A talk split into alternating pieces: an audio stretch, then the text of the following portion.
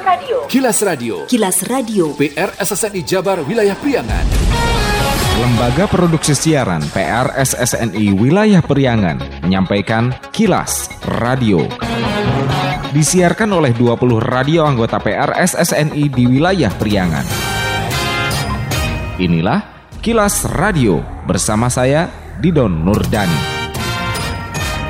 Pendengar, Kilas Radio edisi kali ini di antaranya mengenai Pergub sanksi denda tak bermasker di tempat umum telah ditandatangani. Beberapa Pemda di Priangan Timur tunda denda terkait tak pakai masker. Kasus positif COVID-19 melonjak, Pemkab Tasikmalaya larang kegiatan berpotensi kerumunan. Pendengar, inilah kilas radio selengkapnya. Kilas, kilas. Radio.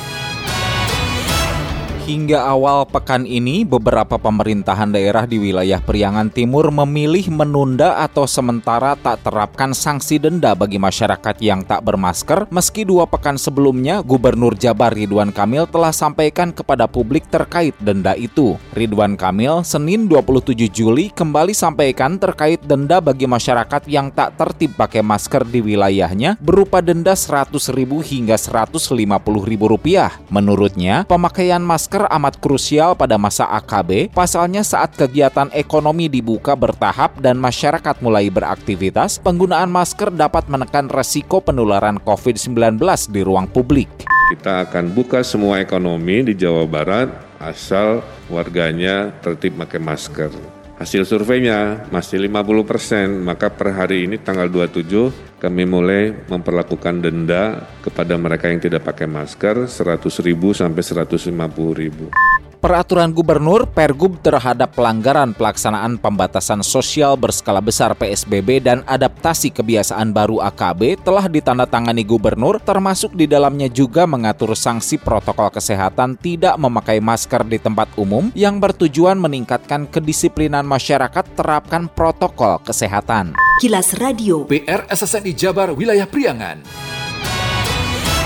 Sebelumnya melalui kilas radio, pemerintah Kota Banjar belum memutuskan untuk penerapan denda bagi masyarakat yang tak bermasker di tempat umum. Wakil Wali Kota Banjar Nana Suryana mengatakan pihaknya belum bersikap terkait denda pelanggar pemakai masker mengingat edaran Gubernur Jabar itu sebenarnya sebagai upaya pendisiplinan warga. Nana kepada Lis R Kilas Radio melalui sambungan telepon menegaskan pihaknya saat ini memilih terus lakukan edukasi dan sosialisasi pada masyarakat sebagai upaya upaya menekan persebaran COVID-19. Kalau kami cerewet itu karena kami sayang terhadap masyarakat. Kami memberikan ketegasan untuk pelaksanaan protokol kesehatan itu juga agar tidak terpapar COVID-19.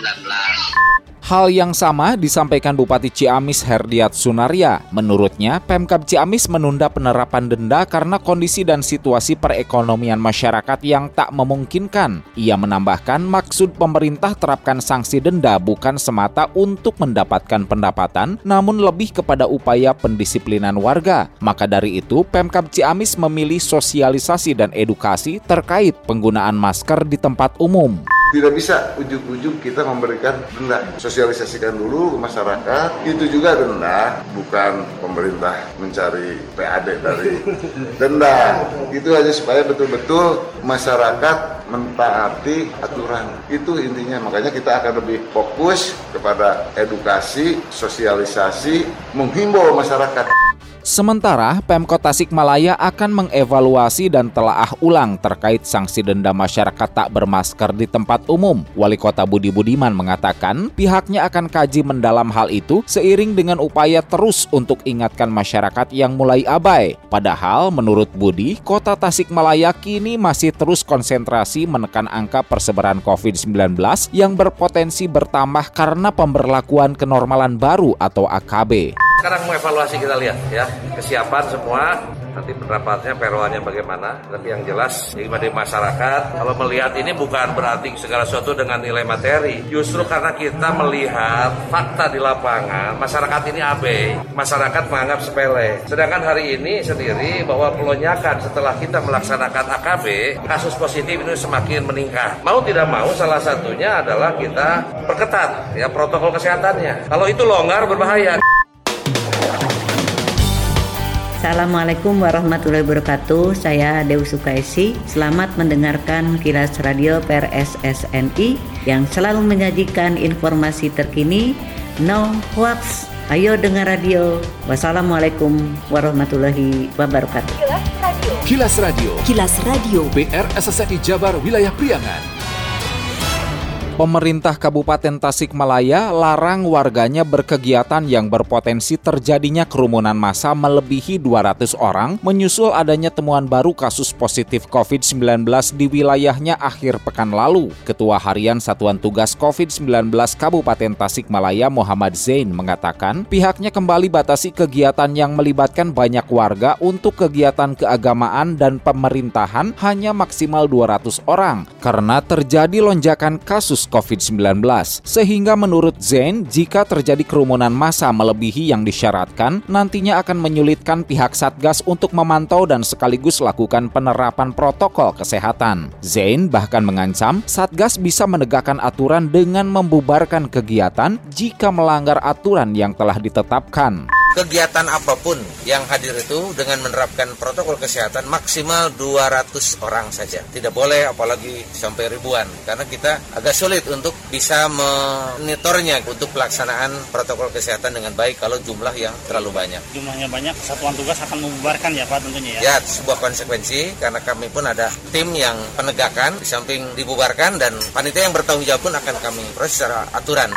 Sebelumnya, Satuan Tugas Penanganan COVID-19 Kabupaten Tasikmalaya berlakukan pembatasan sosial berskala mikro PSBM di Desa Cipatujah mulai Sabtu 25 Juli menyusul adanya temuan satu keluarga empat orang positif COVID-19, seorang di antaranya meninggal dunia. Selain PSBM Desa Cipatujah, Puskesmas dan kantor kesehatan yang lokasinya masih berdampingan ditutup sementara pelayanan selama beberapa hari.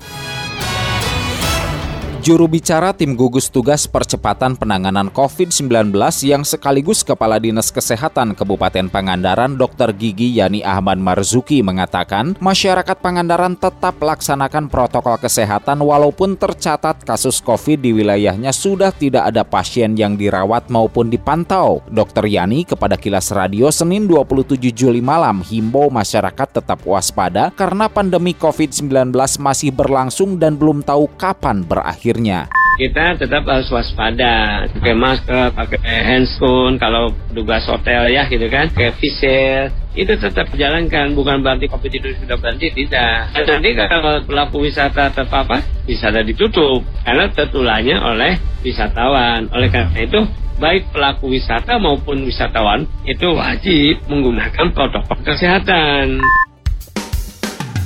Bila Anda mendapatkan hal-hal atau peristiwa penting untuk diliput oleh tim Kilas Radio, hubungi hotline servis kami, SMS atau WA ke nomor 0813 2424 5911 0813 2424 5911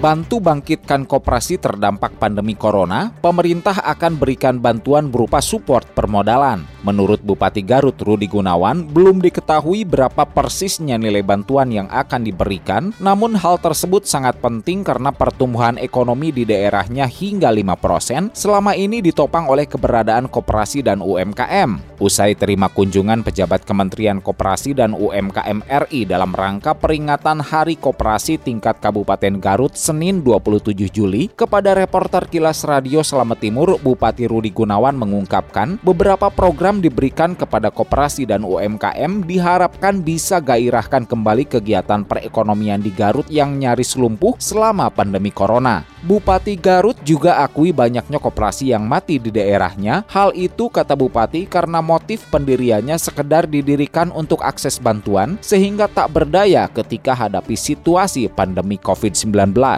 Koperasi ini di Garut itu kan mendapatkan beberapa program. Kita gairahkan kembali ya. Ekonomi Garut itu tumbuh berkembang 5% itu pertumbuhannya itu karena dari AOKM. Terdampak 80%. Oleh kita kan diberikan bantuan. Pak Presiden memberikan bantuan kan untuk 12 juta mikro. Para koperasi, Pak. 2,4 juta katanya.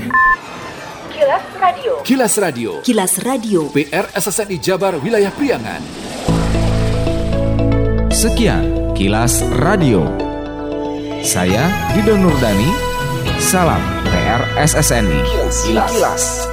Radio.